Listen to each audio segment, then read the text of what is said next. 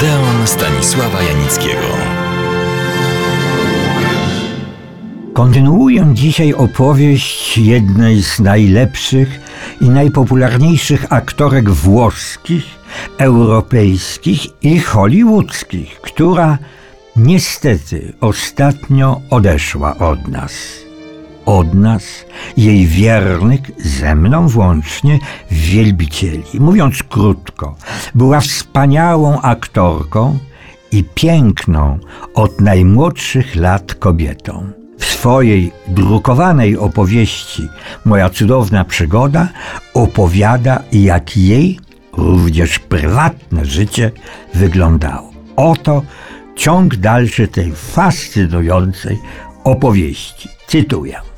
Powoli zaczynano o mnie mówić w świecie filmowym i proponować mi lepsze lub gorsze kontrakty. Odmawiałam. Postanowiłam bowiem utrzymać maksimum niezależności. Nie przyjęłam również nader korzystnej propozycji pewnego mistrza nauk okultystycznych, który widział we mnie wspaniałe medium i proponował mi turnę po Ameryce Południowej.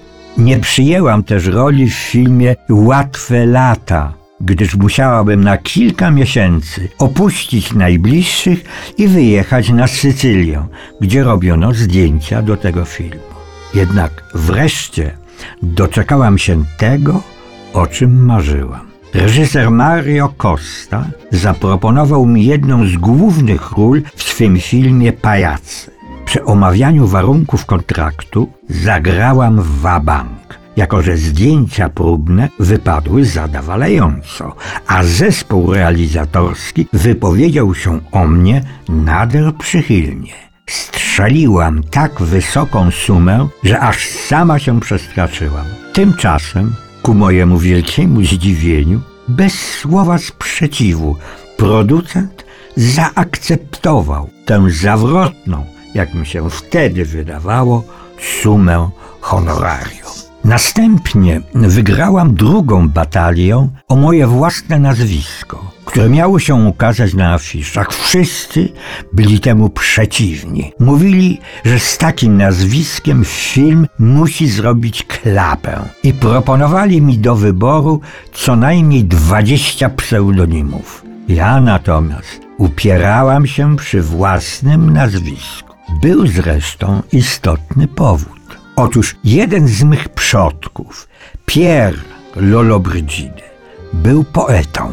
Wprawdzie, jak mówiono u nas w rodzinie, był lepszym lekarzem niż poetą. W każdym razie jednak zapisał się jakoś w kronikach kulturalnych Włoch. Złośliwi twierdzili nawet, że jego poezja działała jak trucizna na myszy. Ale przecież co poeta, to poeta. Pozostałam więc przy moim rodowym nazwisku. Po ukończeniu pajaców dostałam rolę w filmie Zampy Dzwon na trwogę. I w tym czasie ostatecznie zrezygnowałam z kariery śpiewaczki i porzuciłam na dobre myśli o malarstwie. Postanowiłam poświęcić się całkowicie filmowi. Praca w filmie zajmowała mi dużo czasu. Z Milkiem, przypomnę to ukochane Ginny, widywałam się bardzo rzadko. Ani jemu, ani mnie nie podobało się to wszystko. Wreszcie Milko zadecydował. Na co mamy dłużej czekać? Ja ciebie kocham, ty mnie kochasz? Pobierzmy się, choćby dziś, odpowiedziałam. Ale potem, kiedy zaczęliśmy się poważnie zastanawiać nad datą naszego ślubu, wymyśliliśmy sobie, że będzie najładniej, jeżeli nasz ślub odbędzie się w wieczór sylwestrowy, żeby zachować tradycję. Przypomnę, w czasie wieczoru sylwestrowego się poznali.